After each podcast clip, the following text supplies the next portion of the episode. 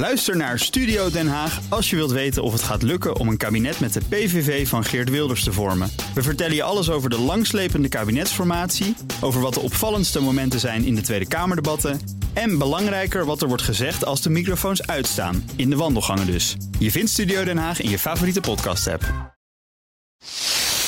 Welkom bij deel 2 van de CryptoCast nummer 257, het podcastgedeelte. In het eerste deel, 257a, hebben we het gehad over het laatste crypto-nieuws, vind je als de vorige aflevering.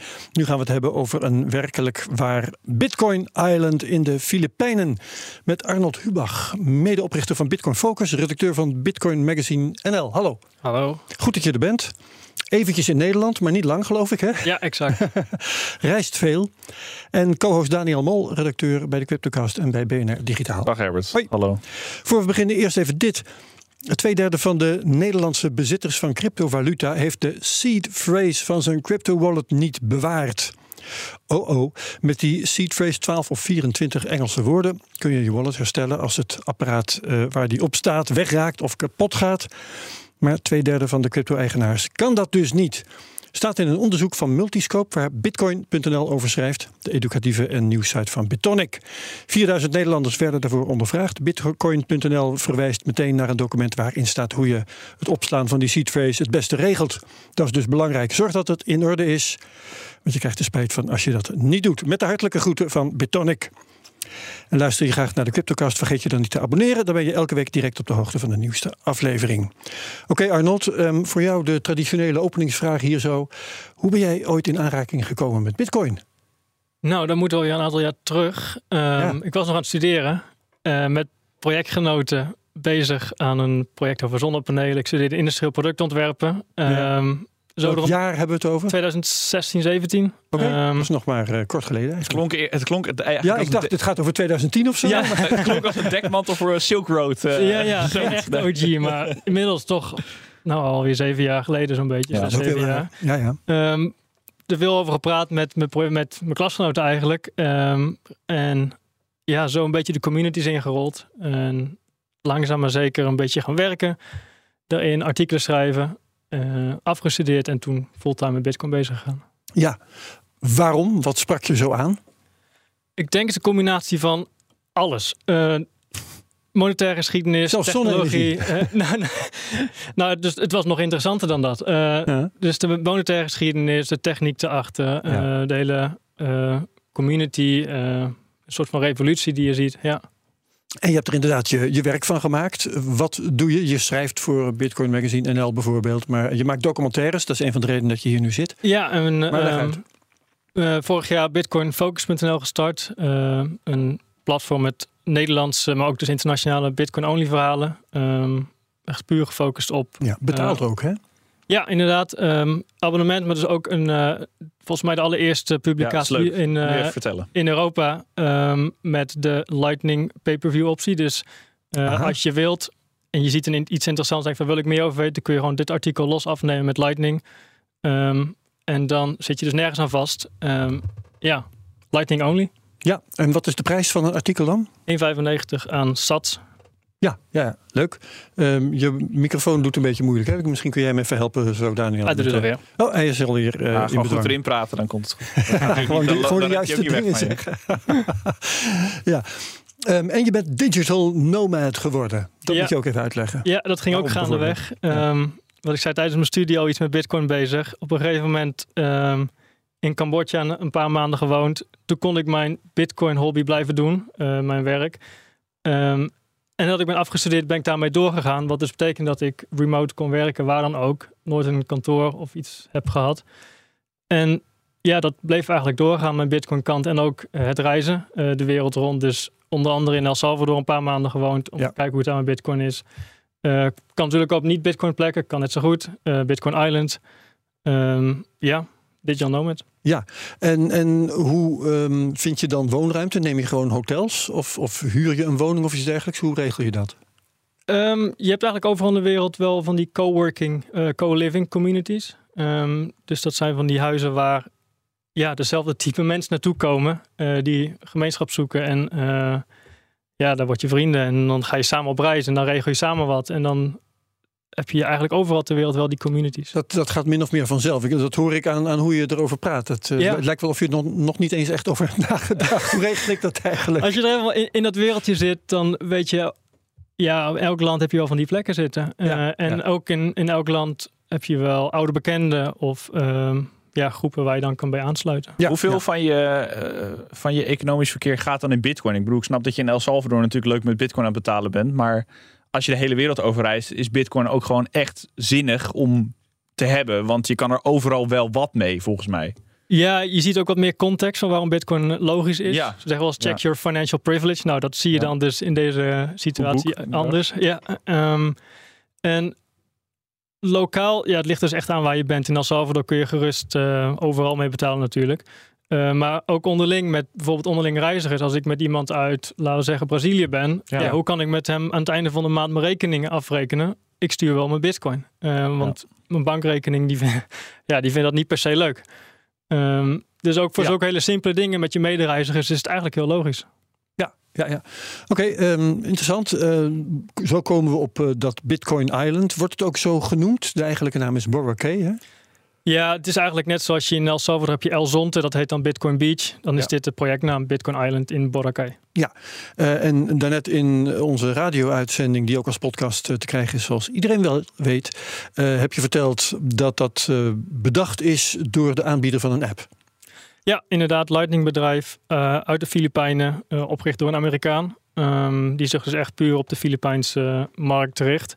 Ehm, initieel voor remittances, voor internationale betalingen. Dat is waarom de app is bedacht en, en opgericht. Eigenlijk als een soort van variant van Strike, die iedereen denk ik wel kent. ja, ja. Het bedrijf heet Pouch. En ehm, naast dus het verhaal van de internationale betalingen zijn ze ook een circulaire economie gestart. ehm, op dus het toeristeneiland Boracay. Maar het klinkt ook wel een beetje alsof eh, ehm, de, eh, de ondernemer gedacht heeft: ik heb een leuk eh, marketingproject nodig. Of ben ik dan te. Ehm, te Nou, Ja, nee, de, Te. ik bedoel, ja, te, ja, te, ja, te negatief misschien. Nee, ja, wantrouwig, dat woord. Ja, ja, misschien is dat het. Ja, eh, als ik het een beetje zo. eh, ik bedoel, we hebben allebei de documentaire van, van Arnold gezien. En Ja. daar gaan we het zo nog uitgebreid over hebben. Absoluut. Ja. Maar ik heb niet echt het idee dat het daar echt een, een vetpot is. En dat het eh, volgens mij is het keihard werken voor vrij Ja. weinig. En is het, eh, ben je vooral bezig met alle mensen binnenboord houden. En eh, de mensen maar eh, mondjesmaat een beetje leren over bitcoin. Ja, het is echt... Die- is- Ja, stel, in- stel je voor ja. dat je bij jou in de straat probeert iedereen, al je buren over te halen om bitcoin Ja. te accepteren, maar niemand idee. geeft er wat uit. En dan moet je ook nog het uitleggen waarom het logisch is. Eh, en als ze het eenmaal in, in de app hebben, wat kunnen ze dan mee doen? Eh, dus er komt heel veel meer bij kijken dan alleen een, een mooi Twitter-account met een logo en van kijk, wij zijn Bitcoin Ja. Island. Ehm, omgekeerd, eh, stel je bent de, de, eh, de ondernemer, eh, de aanbieder van een app waarmee je via Lightning eh, Bitcoin kunt betalen.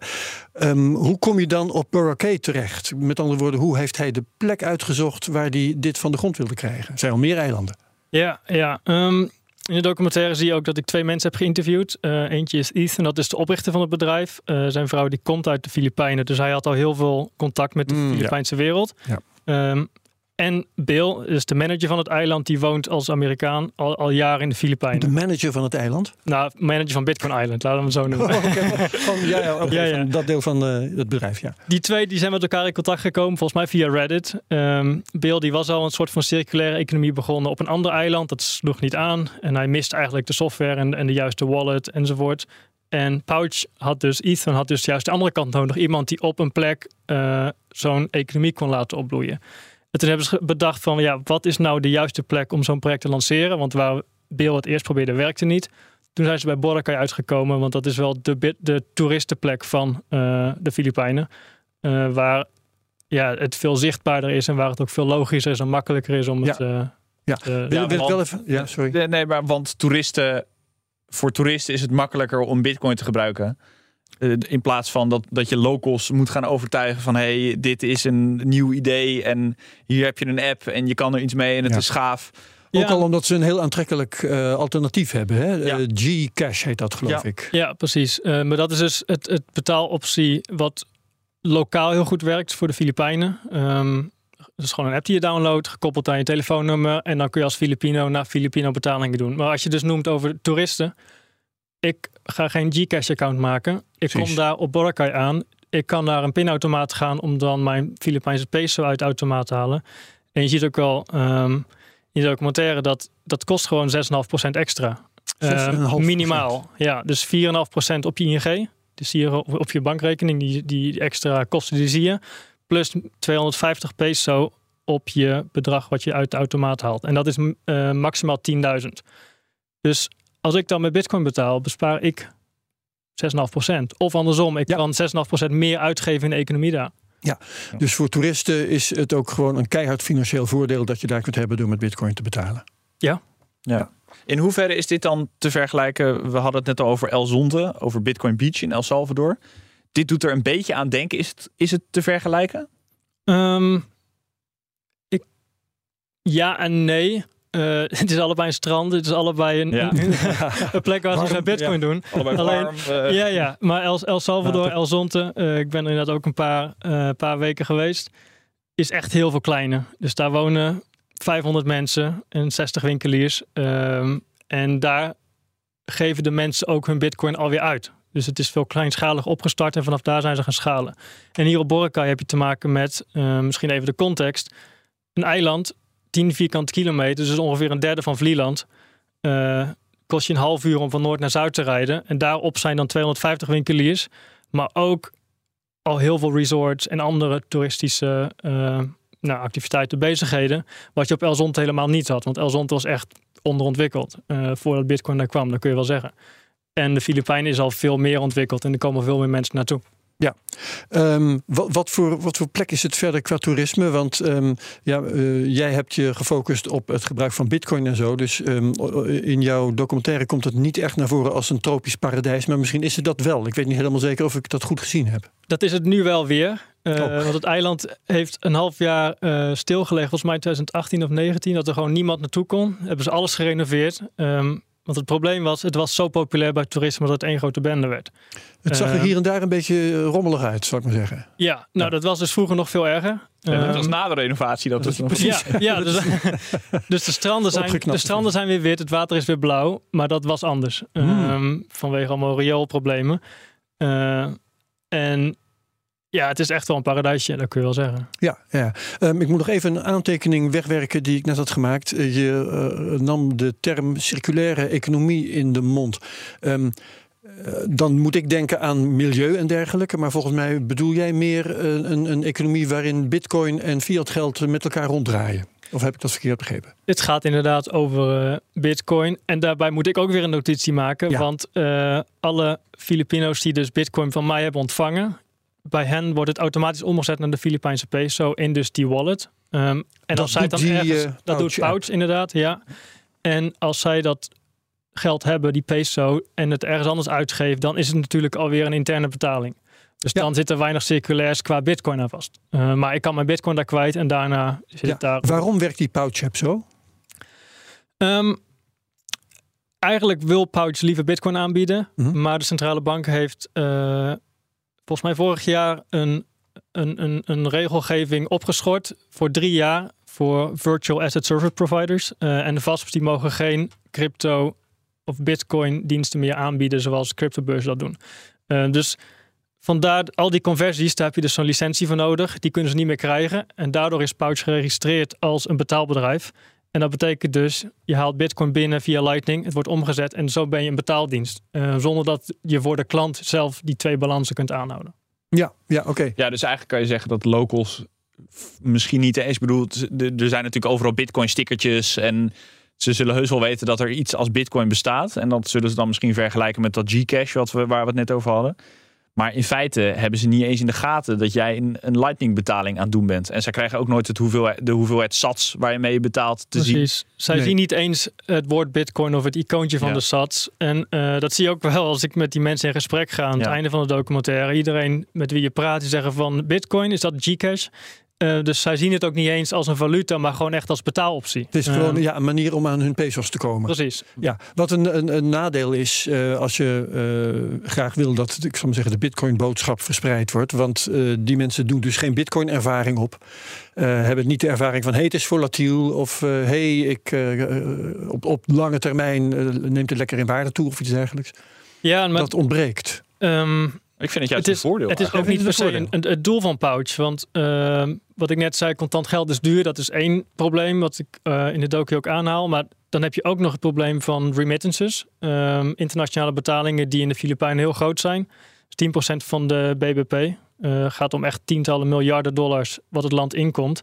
Ja. Kijk, als je daar ook weer procent op kunt besparen, dan maak je alsnog winst. Ehm, Ja, zo Dus- die mensen die in Qatar eh, aan de slag zijn en zo. ja, in Dubai, Ja, eh, ja, in. Amerika, Canada, heel veel van de Op zee, niet vergeten. Ja, ehm, die in de zorg werken, in het buitenland geld verdienen Ja. en dat terugsturen Nou ja, naar de dan, familie. dan wil je ook wel dat zulke mensen weten dat er iets bestaat als bitcoin. En niet dat ze het als een soort betaaloptie om aan pesos te komen Ehm, zien. nou, dat, ik vraag me af wat het uitmaakt. Dus stel, er is ja. iemand in Canada die weet van ik heb, of laten we zeggen Amerika, die heeft Strike, die heeft daar een dollarbalans. En je hebt iemand in Filipijnen die heeft Pouch, die heeft een peso balans. Ze kunnen geld naar elkaar sturen, 6% goedkoper dan de alternatieve opties, terwijl ze allebei geen volatiliteit hebben. En nog steeds gebruiken ze bitcoin. Ja, als je afvragen, weten is dat ze- nou wat ja. we willen? Ja, is geen hyperbitcoinization, maar het is beter dan wat er is. Daarom, En- daarom zei ik ook Ja. van het, misschien is het wel een voordeel. Of in ieder geval, kijk, die ideologie, eh, dat, dat, dat komt vanzelf wel bij degene die dat interessant vinden. Want laten we wel wezen, niet iedereen en zijn moeder hoeft te weten eh, hoe Bitcoin precies werkt. Nee, over En- en- en- decentraal en, eh, Precies, en onzin. ook Ja. zonder centrale bank bemoeienis of, of commerciële banken. bank, bla Weet bla je, dat bla. is, dat is uiteindelijk iets wat, wat sommige mensen interessant vinden en niet iedereen. Dat, Ja. is, dat accepteer ik. Ja. Feit is wel, als we het als betaalrails gebruiken en als de techniek gewoon superieur is, bijvoorbeeld voor die remittances of bijvoorbeeld voor eh, onderling betalen of voor toeristen eh, betalen. Mensen zonder bankrekening. Mensen zonder bankrekening komen we zo nog wel op, denk ik. Ja, dan is het natuurlijk prachtig. En als Bitcoin dan bekend staat als gewoon een, een efficiëntere optie, dat is, dat is toch uiteindelijk waar we met z'n allen hier eh, mee bezig zijn. En Ja. ja, of er dan nog allerlei overtuigingen bij moeten komen van, die iedereen dan maar ook moet vinden. Ja, dat is leuk meegenomen misschien, maar vind ik niet nodig. Oké, ehm, jij hebt in je documentaire een geweldige hoeveelheid Bitcoin-logo's in beeld gebracht. Heel veel. eh, in eh, etalages van winkels. Maar vertel nou eens, ehm, hoeveel procent van de eh, detailhandeltjes daar eh, accepteert die Bitcoin? Poeh, procent. Ehm, dat is een hele goede. Ik denk dat als ik zeg van er zijn 250 plekken waar je ermee kunt betalen, eh, dan heb je een goed beeld. Ik denk ja, misschien is het 1%. Maar met die 250 plekken kun je wel alles doen wat je wil. Dus het is ook zo ingericht dat Ja. als je daar naartoe gaat, dat je dan overal met Bitcoin kunt overleven. Dus zowel vanaf het vliegveld de boot naar het eiland toe. Als je daar bent, kun je hotel met Bitcoin betalen. Eh, je avondeten in een restaurant, de volgende ochtend eh, ergens een bakje koffie, watersport, souvenirs Ja. enzovoort. Ja, het is belangrijk Ehm, eh, dat- je dat zo maar- vertelt. Want ehm, dat betekent dat je maar beter inderdaad een, een app of, een, of een, eh, in elk geval iets met een kaart bij je kunt hebben waar die eh, zaakjes zijn. Want als je zomaar op straat gaat rondlopen, dan kan het even duren voor je er een vindt. ehm, Ook al heet het dan Bitcoin Island. Ja, nou je hebt sowieso btcmap.org. Die promoot eh Pouch zelf ook. Daar heb je gewoon het kaartje van het eiland. Ja. Met alle plekken. Je kunt gewoon inzoomen alsof je op Google Maps zit.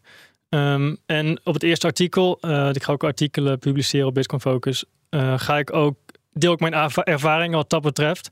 Van ik kom op het eiland aan, wat tref ik aan? Ja, Ehm, wat nu? Precies. Ja. Dus bijvoorbeeld, ik kom aan, ik rij van helemaal zuid naar noord, zie ik Bitcoin-logo's. Ehm, en nou ja, En? In het midden van het eiland heb je een gigantisch Bitcoin-logo, want dat is het kantoor van Pouch. de dag daarna ga je Ja. op stap. eh, binnen een uurtje vind- vond ik de eerste 15 plekken al waar je met Bitcoin kwijt kon. Ja. Ehm, Helemaal bij, bij de, het middenstuk van het eiland, waar het nogal alle toeristische plekken zijn. Ehm, dus dan heb je die, die kaart helemaal niet nodig, die, die wereldkaart of die, nou ja, die kaart Ja, van de Filipijnse eiland. De, de Bitcoin kaart. Dus ja, verre van alle winkels accepteren het, maar echt meer dan genoeg om eh, bijna alleen op Filipijnse peso Ja. om die te vermijden. Zeker. Ehm, dat bestand van Bitcoin accepterende winkeltjes, eh, wordt dat as we speak nog uitgebreid? Hij, hij krimpt eigenlijk, eerlijk gezegd. Oh ja? Ehm, ze hadden ooit ehm, een paar weken of een paar maanden terug waren er tot 300 winkeliers die Bitcoin accepteerden. Het probleem is, als je dan zo'n grote sticker op de deur hebt en er komt iemand die mee wil betalen, maar de winkelier die weet het niet of het was alleen de baas van eh, de keten die het weet en het personeel Komt niet. ook elders veel voor. D- ja, precies. Dus dan moet je eigenlijk het weer van de lijst afhalen. Of je moet in ieder geval alles valideren. Dus dat doen Dat Ja, doet die precies. Bill, ehm, die ik dus ook heb gesproken. En, en zijn vrouw Jan Jan, eh, is een Filipino. Die zijn daar actief mee bezig. En je, ze net even van, het is makkelijk eh, marketing. Maar dat is dus waar zij elke dag mee bezig zijn. Bij al die winkeliers langs kijken of het nog werkt. Of ze nog snappen wat ze moeten doen. En of het echt nog wel geaccepteerd wordt. Eh, dus het is wel up-to-date. Ja. Ja, eh, en ehm, dat, dat raakt meteen aan het probleem dat, eh, dat ook in jouw documentaire aan de orde komt. Namelijk dat ehm, eh, als een winkelier zoiets aanbiedt, dat het amper wordt gebruikt. Ja. Hè, de, de winkeliers hebben er moeite mee om, om te snappen waar het, waar het over gaat. Maar eh, ja, als er dan niemand komt die er gebruik van maakt, dan eh, helpt dat ook niet echt. Nee, nee, inderdaad. En ik heb ook wel een paar keer gehad dat ik de allereerste persoon was die daar betaalde eh, met Bitcoin. Ja. Eh, ondanks dat er ook wel meer Bitcoin-toeristen al naartoe komen. Ehm, en En daar moet je het dan dus eigenlijk van hebben. Hè? Van juist Bitcoin-enthousiasten die dan afreizen naar zo'n plek. Eh, ja, eh, is dat eigenlijk wel wat je wil? Eigenlijk wa- wat je, wat je werkelijk wilt, is dat daar gewone toeristen komen en dat die daar ontdekken dat die Bitcoin ze een voordeel van van 6,5% oplevert. ehm, ja, je kunt ook hetzelfde zeggen. Je hebt ook Arnhem Bitcoin-stad. Daar Ja. geldt precies hetzelfde. Er wordt ook niet genoeg ook uitgegeven. Daar Ja. is Patrick het helemaal met mij, Ja, nee, eh, mee goed, eens. Natuurlijk, maar Ehm, in, in, in Arnhem is het, eh, ik bedoel, fantastisch wat Patrick doet. En ik bedoel, eh, ik vind het ook bijvoorbeeld in, in Haarlem heb je Café de Roemer, waar dan wel eens Satoshi Radio meetups zijn. Ook super lachen om daar bier af te rekenen met Bitcoin. Maar dat is wel, laten we wel wezen, het, dat is een beetje een gimmick. Dat, vinden, dat doen wij omdat we het allemaal gaaf vinden. Het is Ja. niet omdat het beter is. In de Filipijnen, als ik daar op vakantie ben, is het daadwerkelijk beter om het met Bitcoins te doen. Dus ja, dat, dat vind ik nogal een fundamenteel verschil. En Ja. dan is het jammer dat het niet gebeurt. Ik, eh, het zit in jouw documentaire, in die interviews zegt volgens mij die Bill van, joh, kom hier alsjeblieft je bitcoin uitgeven. Eh, in andere interviews die hij dan doet, zegt hij dat eigenlijk ook. Eh, dus dat is heel duidelijk dat het, dat het grootste probleem is dat gewoon niet genoeg mensen het willen of doen. ja, nee, inderdaad. En het is Ja. ook... Want die stel- toeristen zijn er wel, hè, voor de goede orde, volgens mij. ja, Eh, alleen ja. geen Zijn- toeristen die met Geen Bitcoin, zwaaien. ja, precies. En het, en het punt is ook wel... ehm, stel je voor, je bent zo'n winkelier die... Het is dus eh, in de Filipijnen betalingen zijn niet makkelijk. Dus ze hebben echt honderden opties. Eh, je noemt Gcash, maar ook Maya, creditcard. Nou, en nog heel veel meer andere lokale opties. Als je Ja. dan Bitcoin ernaast zet en het wordt niet gebruikt... Ja, dan verdwijnt dat weer. Ja, Eh, dus dan kun je wel heel veel willen. Ja, het is Als- alleen maar hassle voor die mensen om het te, te, te blijven begrijpen en te accepteren. Precies. En die plek op de etalageruit, die kunnen ze Ja, misschien ook ja. voor iets anders gebruiken. Ja, dus eh, dat is inderdaad wat Bill ook zegt. Van, ja, we hebben echt meer mensen nodig die hier bitcoin komen uitgeven, eh, spenden. Want dan gaat het pas echt een verschil maken. En dan gaat het ook eigenlijk als een lopend vuurtje rond. Van wacht eens even, het is echt iets. Het is niet eh, een een of andere nieuwe vage betaaloptie, maar dit maakt echt verschil. Merk- Ehm, Ja. Merkte jij dan ook dat, dat je bijvoorbeeld dat je op de boot naar dat eiland eh, dat Pouch dan al iets van moeite doet om bij toeristen over te brengen van joh, hey, er is een betaaloptie dat heet Bitcoin. Dit is beter voor je als je in plaats van pinnen of in plaats van Gcash wat je niet kan gebruiken. N- nou, als je dus aankomt bij de, het haventje op het eiland vanaf de boot, ehm, dan heb je ook nog concurrenten. Dus Maya is een andere betaaloptie. Die heeft daar hele grote billboards gekocht. Eh, en die hebben gewoon die marketingplekken. Dus je bent ook weer in, in concurrentie met, met andere commerciële partijen die ook betaalopties Ja, en dat is, aanbieden. dan, dat is dan neem ik aan een centraal bedrijf. Ja, dat heeft niks met Bitcoin Ja, te maken, maar dat werkt. Maar ja, die, maar ja, die willen ook hun marktaandeel op het eiland hebben, want natuurlijk veel Ja. toeristen enzovoorts. Ehm, dus daarom wat ik net zei, als, als ik dan ook in, in het eerste artikel wat nu op eh, online staat, mijn ervaring deel, en dan ben je op het midden van het eiland, zie je in één keer een levensgroot Bitcoin logo. En denk je van, ja, het is die wel echt. Ehm, Ja. En dan weet je ook wel dat het er is. En dan ga je ook wel verder bij de winkels het zien, maar niet bij aankomst. Wat is trouwens van Pouch het verdienmodel? Eh, die pakken een eh, kleinere fee, een kleine fee op de omzetting van Bitcoin naar peso. Ehm, Oké. Dus het is niet 100% gratis, maar het is ehm, eh, ja, een stuk lager dan 6,5%. Ja, Heel veel nee, lager. zeker. Ja, ja. Trouwens, als je ehm, uitrekent wat je als toerist aan kosten maakt, dan moet je natuurlijk ook wel verdisconteren dat je die bitcoins moet kopen. En daar zit er natuurlijk altijd ook een eh, bescheiden fee aan die je op een of andere manier op een exchange of iets Ja, dergelijks ja. betaalt. Tenzij je die bitcoins al lang had natuurlijk. Ja, Maar eh, ik zeg dan altijd, als je bitcoin gebruikt om te betalen, kun je maar beter je saldo aanvullen. Ehm, Spend voor, and replace. voor Ja. het geval, ja, voor het je geval kunt, je, je, kunt ook, je het hebt- tegenwoordig je, je wallets weer vanaf een beurs met Lightning opwaarderen. Ehm, Ja, met Lightning is het natuurlijk alweer. en eh, en eh, stuk. op Bitcoin Island is het ook Lightning only. Er is geen on-chain, er komt geen blockchain aan te pas Ja. wat dat betreft. dan, zijn, dan zijn de kosten natuurlijk aanmerkelijk lager. Ja, maar dat is ik, waar. ik vind het dan wel, bedoel, zij, volgens mij doen ze het met z'n tweeën en dan nog de vrouwen erbij met de pouch. Ja. Eh, maar Bitcoin Beach, waar we het net over hadden, die hebben dus die hebben echt een hele grote donatie gehad om het daar op poten te zetten. En daar is ook een hope house waar mensen educatie krijgen. En dat, ze hebben daar echt, nou ja, wat ik hoor, ik ben er zelf niet geweest, maar daar, daar wordt echt een gemeenschap een beetje uit het slop getrokken, mede door Bitcoin. Ja, Ehm, ik ben er dus wel geweest, een paar, een paar weken. Ja. En zij, zijn, zij hebben dus heel veel geld gehad, die donatie, om ook uit te delen aan de lokale bevolking. En die kregen dat ook als Bitcoin balans. Ja. Eh, was in de wallet of Satoshi. Ja. Ehm, en dat was tijdens corona. Dus al die mensen die raakten hun inkomsten kwijt van de service community die daar langskwam. Ja. Ehm, kregen 30 dollar aan bitcoin. Dat was niet die van Bukele, maar van dus het Hope House. En daarmee is dat dus onderling gaan, gaan draaien. Nou ja, op Bitcoin Island kun je dat niet doen, want het is- het is zoveel groter, wat ik net al schetste. Ehm, en ze hebben dus ook niet zomaar eventjes een donatie om weg te geven aan de bevolking om die economie op gang te komen. En ze mogen dus al geen Bitcoin-diensten aanbieden. Ja, en ze boksen op tegen een aantal partijen die al eh, redelijk wat marktmacht hebben. Ja. Die Maya zei je, eh, Gcash. Hoe komen die aan hun eh, marktpositie? Waren ze er gewoon eerder? Is, is, dat, is het zo simpel? Of is het toch op een of andere manier aantrekkelijk? Omdat het, wat je net zei, het sluit aan op je telefoonnummer bijvoorbeeld. Ehm, nou, dat Gcash, dat vond ik wel opvallend. Dat was er nog maar anderhalf jaar. En dat zag je overal. Ehm, dus de andere kant geeft het ook alweer een soort van hoop van... ja, als het begint te draaien... eh, dan gaat het ook echt overal zo rond. En eh, ik had ook even op de Gcash website gekeken. Het- ze hebben ook echt wel gericht op bepaalde regio's. Eh, dus ongetwijfeld dus waar veel toeristen zijn. Maar ehm, ja, je, je moet inderdaad wel opboksen tegen die, die grote partijen.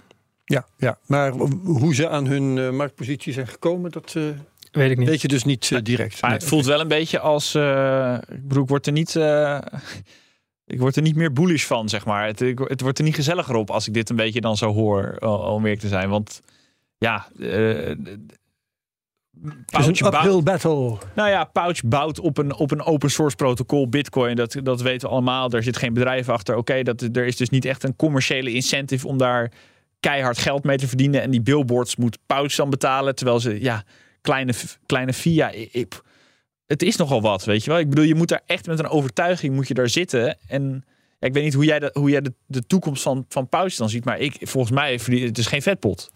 Nee, nee, inderdaad. Ehm, nou is dus Bitcoin Island wel een klein onderdeel van Pouch. Want ze doen dus ook die remittances en ehm, voor de internationale Ja. betalingen. Het voordeel is dat je daar gewoon één iemand in de Filipijnen nodig hebt en één iemand in een ander land. En dan werkt het al. Ehm, dus dan hoef je minder netwerkeffect op te bouwen om het eh, te laten werken. Dus op die manier kunnen ze ook schalen. En, en in- daar halen ze ook de meeste inkomsten wel uit. Dat is niet het Bitcoin Island. Maar ik vind het wel een heel mooi voorbeeld dat laat zien hoe Bitcoin echt problemen oplost. Ehm, Ja. Terwijl je daar rondloopt, dan zie je dat gewoon. Of het nou is mensen zonder bankrekening, contant geld is duur. eh, en dus ehm die internationale betalingen. Ehm, hoe, hoe belangrijk is het om daar voortdurend goed mobiel internet te hebben? Want dat heb je natuurlijk wel nodig op het moment dat je staat af te rekenen bij een winkelaar op straat. Ja, ja wat, wat ik dus net zei, als digital nomad moet ik internet hebben om überhaupt te kunnen werken. Nou ja, als je dan met Bitcoin wil betalen, eh, ook. Ehm, en in alle landen waar ik heb gezien gaat het eigenlijk altijd heel goed. Boracay ook, maar soms wel wat, wel, wel wat lastiger dan gemiddeld. Eh, maar het heeft me er niet van weerhouden om een keer wel met contant geld te betalen, bijvoorbeeld. Eh, je moet gewoon iets meer geduld hebben, want dat is ook het ding. Ehm, alle winkeliers hebben een QR-code, die scan je, in je eh, met je camera. Je opent in zijn browser. Ja. Dus je moet eerst een webpagina kunnen openen voordat je de betaling kunt doen. Ja. Ehm, Daar begint het mee. ja, en die extra stap, ja, daar heb je soms net iets meer eh, bandbreedte voor nodig dan je gewoon even naar die- buiten lopen of zo. Ja, precies. Nou, zo gaat het wel. Ja, of je Even staat een emmertje internet halen. ja, of je staat op het strand, maar dan ben je net iets te ver van de kust vandaan. Ja, oh, Eh, ja. En dan Oh, moet je even, ja. Maar uiteindelijk werkt het wel en dit is ook, Ja. ja, het, is, het blijft de Filipijnen. We zijn ook niet Ja. Nederland. Maar, Eh, maar er is natuurlijk wel een belangrijk verschil tussen jou. Jij bent Bitcoin enthousiast. Dus jij loopt wel even naar buiten. Maar een willekeurige toerist Precies. die zegt: shit, het werkt weer niet. En ik moet weer naar, dan moet ik weer, weer naar buiten lopen. Heb ik geen Ja, zin in. nou, ja dat, misschien Maar overdrijf ik dan ook wel een beetje. Ehm want dit is echt maar een paar keer gebeurd. En dan het internetprobleem, dat kwam ik vooral tegen als ik dan ergens probeer te werken. Nee, maar Ehm, gebruiksvriendelijkheid en geoliede afhandeling, dat is natuurlijk wel waar een betaaloptie mee staat of valt. ja, maar we kunnen ook met, met NFC weer bezig met Lightning. Ehm, Dat is waar. NFC, eh, de Oh, ja, ja, betaalkaarten. Oh, ja, ja, Ehm, ja, ja. Precies. Ja. Dus er zijn genoeg oplossingen als het probleem al echt zo groot is als dat het nu lijkt. Wat ik, ja. Voor, voor, voor niet-Bitcoin is het misschien een groter probleem. Maar nee, ik, ik, ik zou daar niet een heel groot punt van willen maken. Is de, de heilige graal niet uiteindelijk eh, dat we een uniforme wallet krijgen die we allemaal, zowel in El Salvador, want daar hebben ze ook hun eigen wallet eh, mede ontwikkeld door de overheid, eh, of in ieder geval ontwikkeld in opdracht van de overheid. Eh, de, de- zeg maar Bitcoin Beach heeft volgens mij een eigen wallet. Ja. Eh, hier in de Filipijnen hebben ze een eigen wallet. Op elke plek hebben ze maar een eigen wallet. Moet daar niet gewoon. Ik bedoel, we zijn toch, aan, we zijn toch hier aan Bitcoin aan het werken. Dus kan dat niet allemaal gewoon lekker via, weet ik veel, eh, Blue Wallet of zo? Ja, dat zou uiteindelijk mooi met zijn. Met optimaal elke zijn. wallet zou het moeten werken eigenlijk, toch? Maar Ja, ja, maar- Bitcoin werkt overal, maar de fiat kant niet. Eh, Dus bijvoorbeeld Pouch Ja, werkt alleen in de Filipijnen omdat ze die licenties problemen hebben. Hetzelfde geldt voor bijvoorbeeld, we hadden net over Nigeria in het eerste deel. Eh, daar heb je Bitnop, die hebben ook die conversie vanaf Lightning naar de lokale Naira. Die hebben daar een licentie. Ehm, en dat weerhoudt er dus van dat je gewoon één wallet hebt met en een Bitcoin balans en elk type fiat valuta. Ja. Totdat je misschien ooit Taro krijgt of een andere laag weer bovenop Bitcoin. eh, Stablecoins op Lightning. stablecoins op Lightning, waarbij je dat dus op een soort van non-custodial manier kunt doen. Dus dan wel Ja. vertrouwen dat je moet hebben in de uitgever van de stablecoin. Maar je kunt een soort van vertrouwensloos en, en permissievrij dat wel in een wallet bouwen.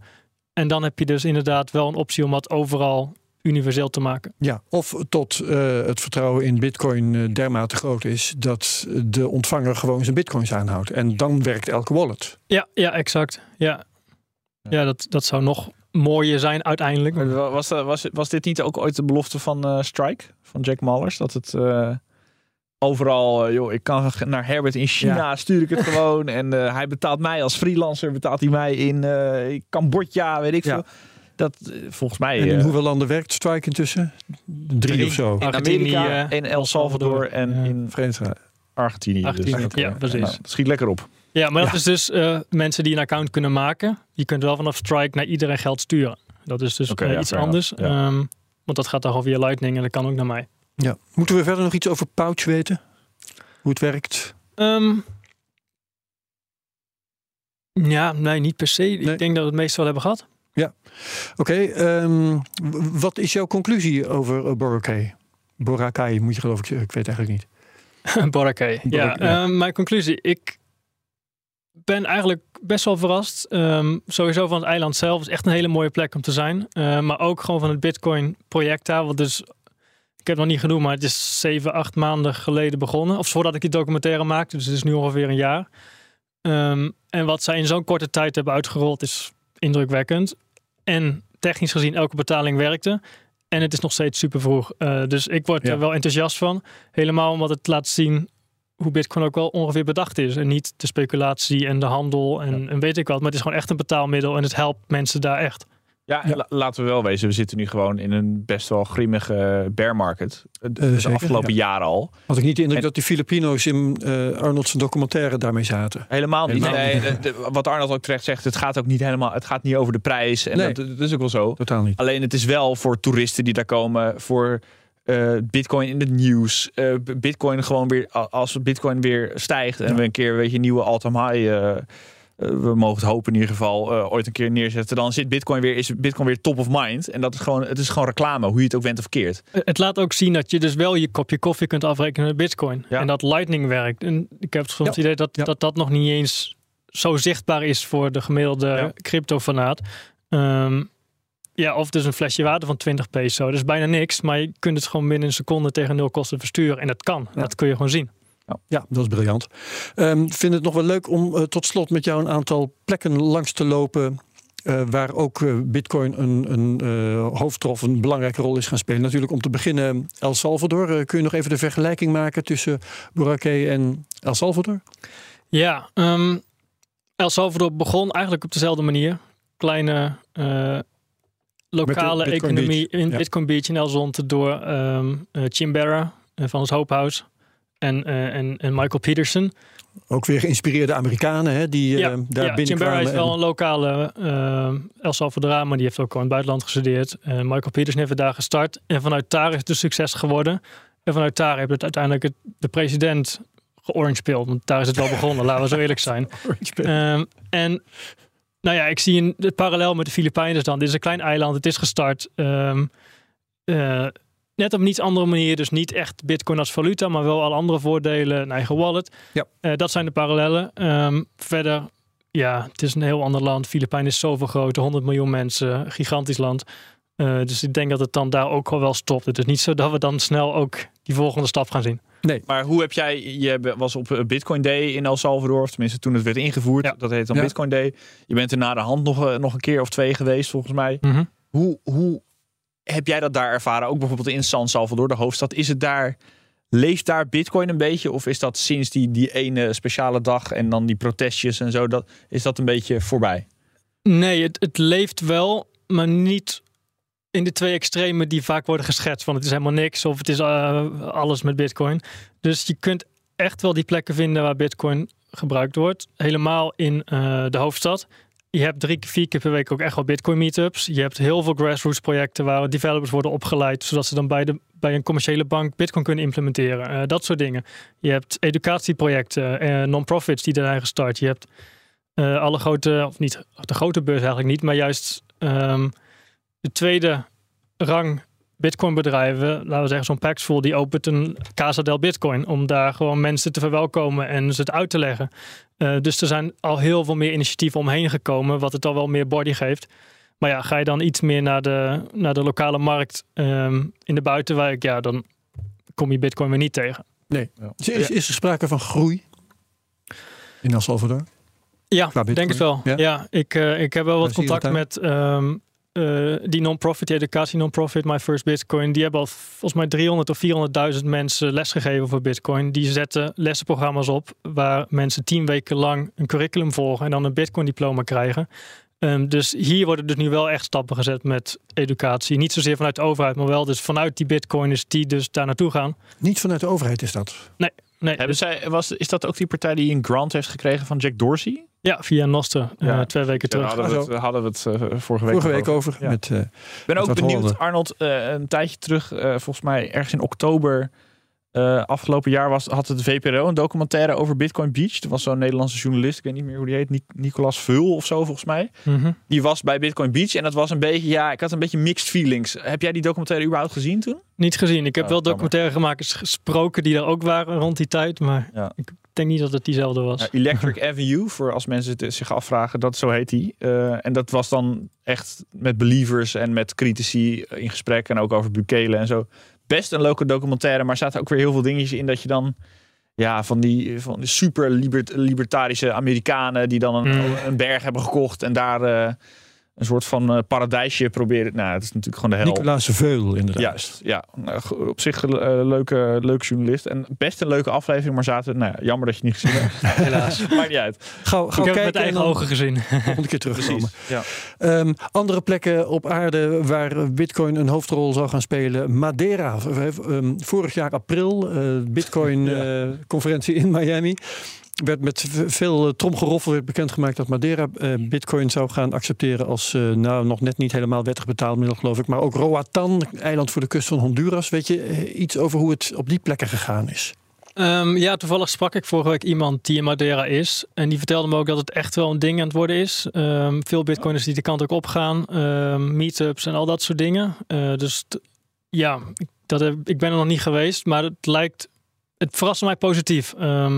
Wat, van wat hij mij Want vertelde. Het voelde destijds echt dat, als we het dan over marketing hebben. Dat was volgens mij een plannetje van, uh, hoe heet hij ook alweer, Samson Mouw. Ja. Met een mic drop en alles. Nou, het viel wel een beetje tegen destijds. Maar ja. misschien nu is het dan wel... Ja, dat is wat ik heb gehoord van Leuk. iemand die daar al een paar maanden woont. Ja. Um, nou, dat is Madeira, maar er was ook dat eiland voor de In- kust van Honduras. ja, uh, Prospera. Ja, dus dat weet ik- speciaal economische zone. Ja, weet ik iets minder van. Eh, ik heb wel voor Bitcoin Focus een keer iemand gesproken uit Honduras. eh, die mij dan vertelde over het land. Eh, en hij zei van ja, dat is een van de plekken waar het een beetje geaccepteerd wordt. Maar je kunt ook hier naartoe en ook daar naartoe. Eh, dus het is iets minder, minder extreem eh, dan. Ja, daar is volgens mij ook best wel wat conflict tussen eh, de bewoners van, en van een lokaal dorpje. Wij hebben daar een keer. Die daar geen zin in hebben of ja, zo. we hebben daar een keer een, een, een CryptoCast, een A-nieuwsdeel over gemaakt. Oh ja. Ik kan me nog herinneren, toen was ik co-host. Dus eh, ja, een conflict tussen lokale poli- politici en, eh, of lokale bewoners Ja. en de crypto. Het ding is ook, eh, die Mensen. speciale economische zone, dat is aangenomen in een wet. En daardoor is het 25 jaar van kracht. Maar iedereen wil er eigenlijk vanaf. Maar het staat Ja. in de wet Ja, dat dit zo moet blijven. Ja. En daarom kun, dat kan dat bitcoin gebeuren, kan dat nu worden uitgerold. Maar eigenlijk is niemand blij met die regio en de manier hoe het politiek is ingericht. Oké, eh, dan breng ik Guatemala even op. eh, ook al omdat het een buurland is van Honduras en El Salvador. Eh, de reden is, er stond een stuk in eh, Cointelegraph deze dagen. En eh, ja, dat ging over de bitcoin-adoptie in Guatemala.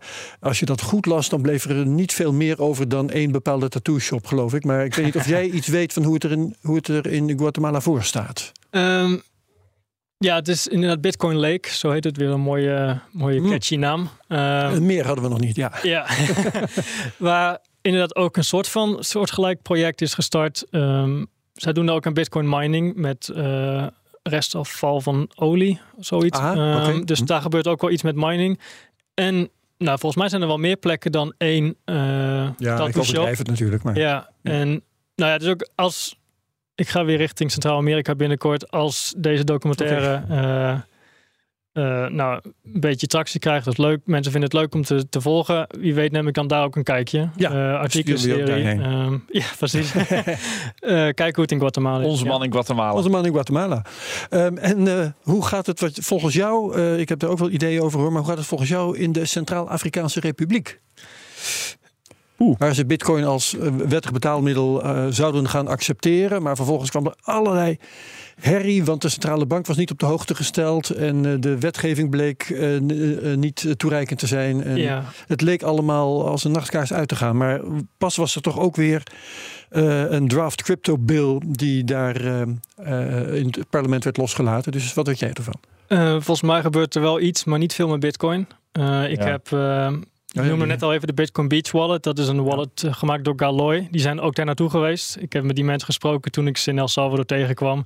Die vertelden ook van ja, we zijn er naartoe gevlogen. Eh, dat gaat hem niet worden. Ze gaan, ze gaan niet eens meer mee door om daar energie in te stoppen. Om even aan te geven van Nou zo, ja. eh, of ze er hel in zien. Als dus organisatie of bedrijf die zich echt richt op circulaire economie en die adoptie van bitcoin en dat soort plekken.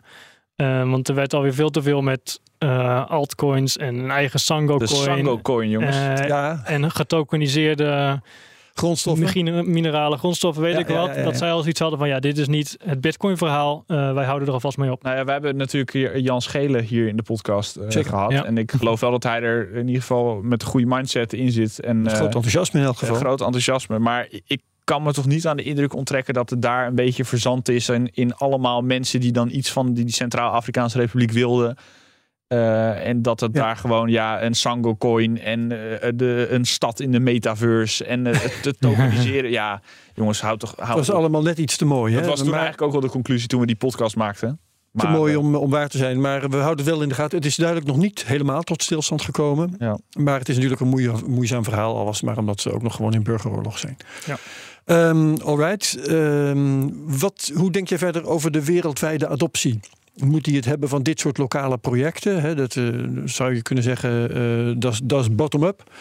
Of moet je het toch hebben van een constructie als in El Salvador... dat de regering op een gegeven moment zegt... en nu doen we het zo. Ehm, nee, ik, van wat ik nu zo'n beetje zie, moet het echt wel hebben van grassroots projecten. Als je het op de goede manier de implementatie wil hebben. Ehm, want uiteindelijk Nou, je is was net enthousiast over hoe het in El Salvador eraan toe gaat. Ja, maar alle dingen waar ik enthousiast over ben, dat zijn dus de projecten die dus van, van, van onderop eh, komen, komen bovendrijven. Ja, nu. dat zei je, dat was geen regeringsonderneming, Ja, hè, die educatie. Ja. En dan, als je dan even kritisch kijkt naar de Chivo Wallet, eh, ik heb er ook even mee gespeeld. Nou, om erin te komen is al een probleem. En dat duurde Om anderhalf eruit te komen ook. Om er geld uit te halen ook, inderdaad. Oh, ja. Ehm, dus wat heel veel mensen doen, is dat ze dan wel bitcoin kopen met Chivo, maar het, ehm, bij de ATM's, want dan kun je direct laten sturen naar je non-custodial wallet, want dat is gewoon een QR-code eh, laten zien. Ja. Eh, dus dan zit die app er niet tussen. Ehm, en het is uiteindelijk, denk ik, het, als je er gewoon heel cru naar kijkt, het is gewoon een CBDC met een bitcoin jasje, want het is gewoon één centrale app met een dollar balans. eh, waar je dan Bitcoin naartoe kunt sturen. En er over het algemeen ook vaak uit kunt halen. Maar ja, dat is dus geen, eh, geen garantie. Oké, oké. wat jou betreft dus eh, grassroots. Nou goed, ehm, eh, ik zou zeggen, ga vooral door met eh, het bezoeken van dat soort grassroots. Ik, ik hoop Projecten. het. Ja. En jouw documentaire is nu te bekijken. Hij staat vandaag online Op YouTube op staat? YouTube er staat ook de, de komende week een serie over dus mijn ervaringen en ook alle interviews die ik heb gedaan, uitgeschreven. En dus de beknopte versie van al die artikelen staat in die documentaire. Half uurtje. Eh, Wij zullen hem ook op Twitter eh, even delen. Dan Ja, precies in Leuk. de show notes. Ja. Jij verder nog eh, vragen aan. Arnold, Daniel of opmerkingen? Eh, nee, ja, blijf, blijf vooral reizen. En, en blijf de, ik, vind, ik vind het super leuk. Dat, ik bedoel, nu hebben we je te gast, maar je hebt natuurlijk ook al een documentaire over El Salvador eh, gemaakt. Ja, ik vind, dat, ik vind dat mooi. Dus eh, als je daar tijd en zin in hebt, blijf dat doen. Vooral. Dus, ik, ik hoop dat het kan. Ja, Tot zover deze CryptoCast. Eh, bedankt dus Arnold Hubach. geen dank. Bedankt ook Daniel Mol, mijn co-host. Eh, Volgende week gaan we in gesprek met Marius Jansen. Hij is eh, medeoprichter van Deribit. En we gaan het eh, met hem hebben over het ondernemen in een bear market. Dat kan leuk worden, want dat is natuurlijk spannend. Vergeet deze CryptoCast niet te delen met je volgers op Twitter. Met de mention CryptoCastNL. Laat reviews achter op Apple Podcasts. Worden we beter gevonden. Like, subscribe en comment op YouTube. Al die dingen meer. Hartelijk dank voor het luisteren naar deze CryptoCast. En voor het kijken. En heel graag tot volgende week bij de CryptoCast op BNR. Dag dag.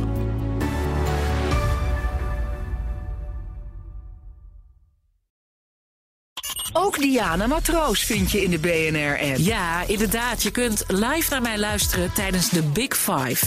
Ook handig in de BNR-app. Breaking nieuwsmeldingen, maar ook het allerlaatste zakelijke nieuws.